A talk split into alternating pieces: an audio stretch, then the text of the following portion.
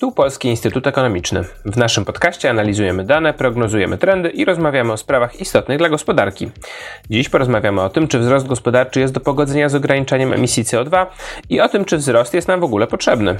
Nazywam się Jacek Grzeszak i zapraszam do wysłuchania dzisiejszego odcinka. Ze mną jest Paweł Śliwowski, kierownik zespołu strategii w Polskim Instytucie Ekonomicznym. Cześć, dzień dobry. Niedawno ukazał się raport Gospodarka Umiaru, czyli opinia Polaków o postulatach dewzrostu, którego jesteś autorem. To może zacznijmy od definicji, czym jest dewzrost. Wzrost to jest taki ruch, można powiedzieć, myśli, w ramach którego tworzą różni ludzie, to znaczy tworzą ekonomiści, antropolodzy, socjolodzy. Nie jest to ruch jednolity, jakiś taki jednorodny, więc w ramach i wewnątrz tego ruchu też są różne, często dość istotne spory, ale gdybyśmy mieli zredukować do takich kilku głównych, najważniejszych czynników, wokół czego ten ruch się koncentruje, no to jest to ruch, który stwierdza, że w związku z niepowodzeniem dotychczasowych różnych ścieżek transformacji energetycznej, czyli przede wszystkim nieuzyskaniem tego stanu decouplingu, czyli oderwania emisji od wzrostu. Żeby ochronić planetę przed katastrofą klimatyczną, musimy szukać ścieżek alternatywnych. I ta główna propozycja jest taka, że tak jak w nurcie zielonego rozwoju czy zrównoważonego rozwoju, e, zastanawialiśmy się głównie, jak poprzez transformację e, technologiczną, przez zmiany zachowań ludzi i firm doprowadzić do sytuacji, w której idziemy dalej mniej więcej tą samą ścieżką, ale emisje spadają. Tak wokół wzrostu jest główna teza taka, że powinniśmy raczej się zastanowić, jak zużywać mniej, jak konsumować i produkować mniej, żeby wobec właśnie słabych postępów z decouplingiem móc ocalić planetę. No właśnie, bo chciałem się zapytać o to, czy da się powstrzymać emisję CO2 jednocześnie funkcjonując w tym modelu wzrostu gospodarczego? Wie się o tym, że ten decoupling średnio się udaje. Jakie są tutaj doświadczenia różnych krajów na świecie?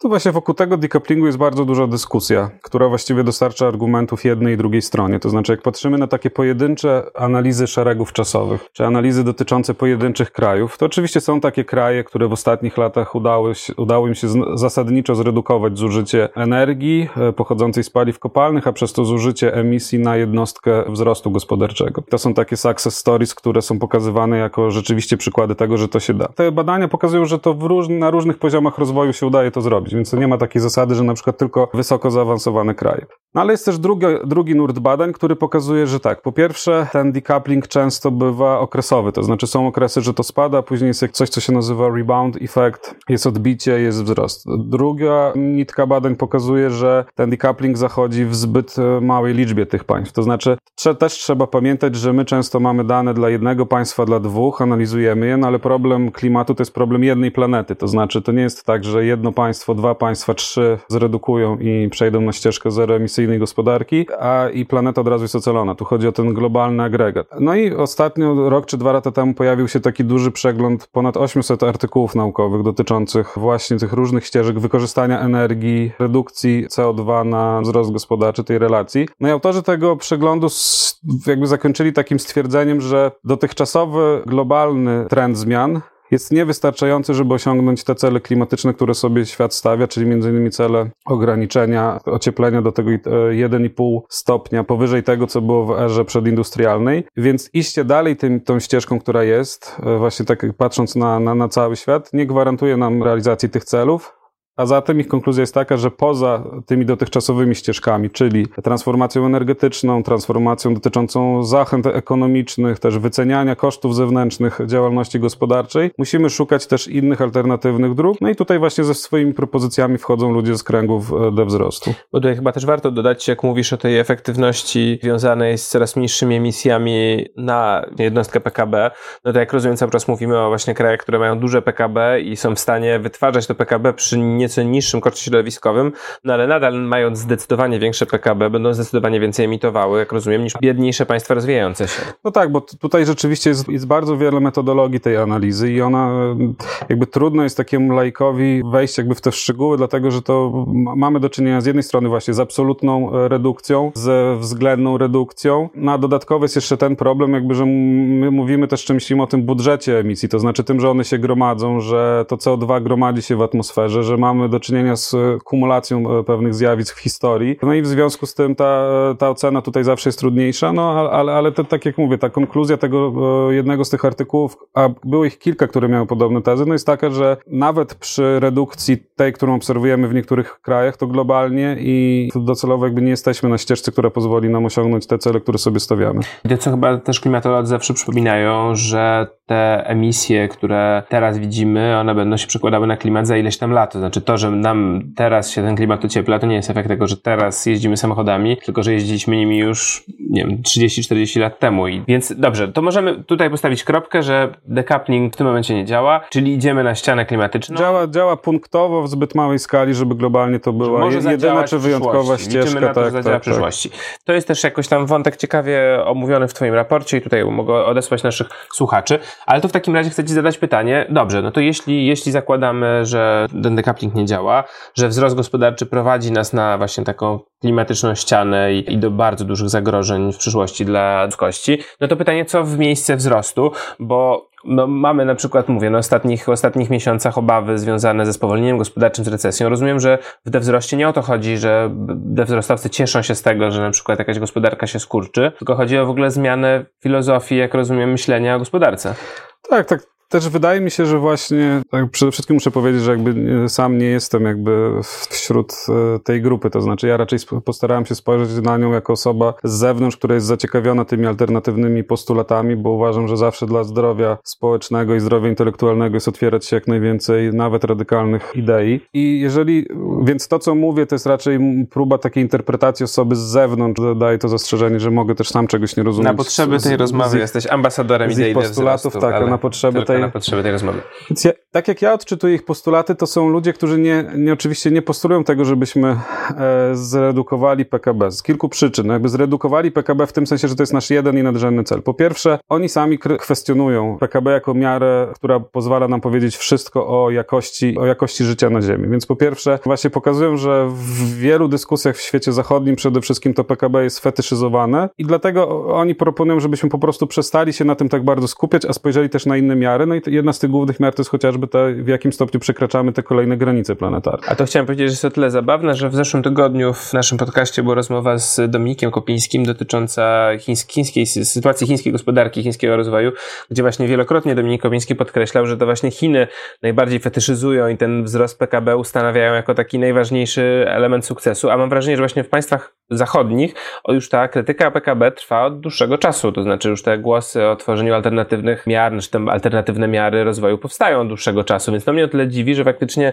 mam wrażenie, że akurat te państwa zachodnie to już do tego PKB podchodzą dosyć krytycznie, natomiast PKB jest takim kluczowym wyznacznikiem raczej dla państw rozwijających się, mam. No tak, no PKB, jakie ma ograniczenia, to wszyscy wiemy, one też jest bardzo dobrą miarą stanu gospodarki, ale nie jest miarą po prostu jakości życia w danym państwie. Jest bardzo wysoka korelacja między PKB a jakością życia i to widać i bardzo dużo badań to pokazuje. No ale rzeczywiście nie jest też tak, że jest liniowa i bezwzględna zależność. To znaczy, jeżeli spojrzymy na przykład na stopień realizacji tych celów milenijnych ONZ-u, to w tej pierwszej dwudziestce są rzeczywiście państwa wysoko rozwinięte, czyli te, które mają wysoki poziom PKB i tam w innych celach, czyli właśnie związanych z redukcją biedy, też z ochroną klimatu, z, z ochroną biosfery i to tej rozumianej jako lądowa i wodna, z edukacją, z ochroną zdrowia. We wszystkich tych innych wskaźnikach w pierwszej dwudziestce powiedzmy są państwa, które mają jednocześnie wysokie PKB. Ale to nie oznacza, że te, które mają najwyższe PKB są najwyżej, bo widzimy na przykład przykład Stanów Zjednoczonych, które e, nie są wcale wysoko i, i w takich aspektach jak chociażby opieka zdrowotna są zdecydowanie niżej niż chociażby państwa europejskie. Ale wracając do dewzrostu, więc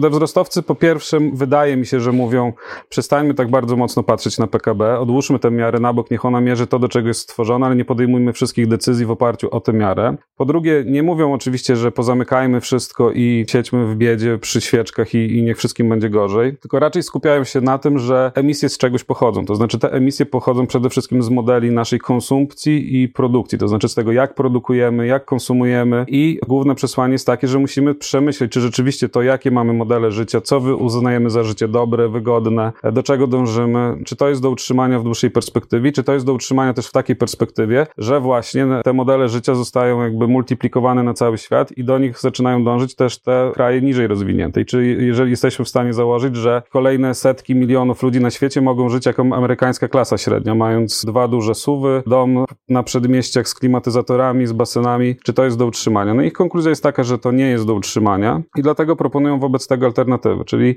tak jak ja widzę postulaty do wzrostu, to po pierwsze nie jest to jedna spójna szkoła, która mówi pozamykajmy wszystko, tylko jest bardzo dużo różnych szczegółowych postulatów i dlatego w tym raporcie też raczej starałem się skupiać na ocenie takich pojedynczych postulatów.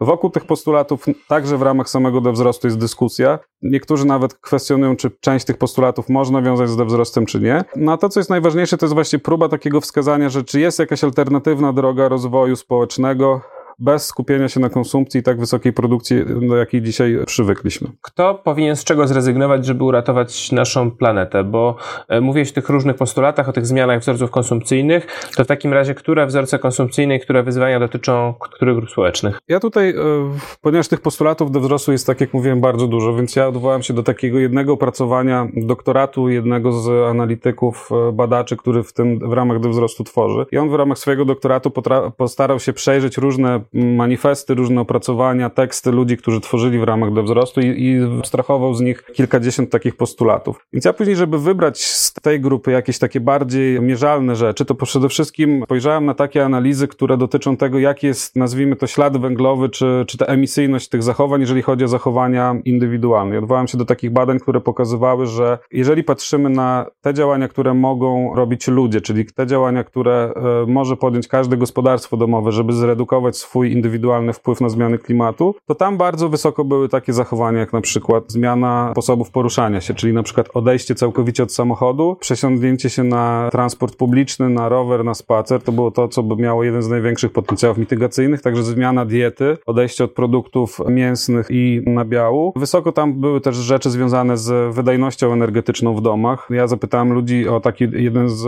ogólnych postulatów, czyli żeby ograniczyć zużycie energii w domu, a w tym badaniu badaniu, do którego się odwołałem, analiza dotyczyła bardziej takiego wykorzystania czegoś, co się nazywało smart metering, czyli takich innowacyjnych metod dawania feedbacku i też zarządzania temperaturą, zużyciem prądu, czyli też nie tylko takiego wyrzeczenia, ale też właśnie wykorzystania techniki w bardziej optymalnym zarządzaniu. No i też oczywiście tam pojawiły się samoloty, jakby ruch lotniczy to jest jedna z tych branży, która jest jedną z najbardziej emisyjnych i dokłada swoją istotną cegiełkę do tego całego obrazu, więc e, ostatecznie skupiłem się w tej ankiecie na takich rzeczach, które mniej więcej dotyczyły ludzi, to znaczy, że ludzie byli w stanie mniej więcej na, na podstawie swoich codziennych doświadczeń, swojego życia do tych postulatów się odnieść, ponieważ też w ramach wzrostu jest dużo takich postulatów, które moim zdaniem są gdzieś na poziomie dyskusji akademickich, dyskusji w gronie aktywistów. Tutaj uznałem, że część z nich jest na takim poziomie abstrakcji, że trudno byłoby ludzi o te rozwiązania pytać, jeżeli się nim gdzieś nie zajmują, więc jakby chciałem, szukałem takiej drogi, która byłaby jak najbliższa ludziom. Więc skończyło się na rezygnacji z auta, na rezygnacji z samolotów, z mięsa i nabiału, w mniejszym zużyciu energii w domach, nie kupowaniu produktów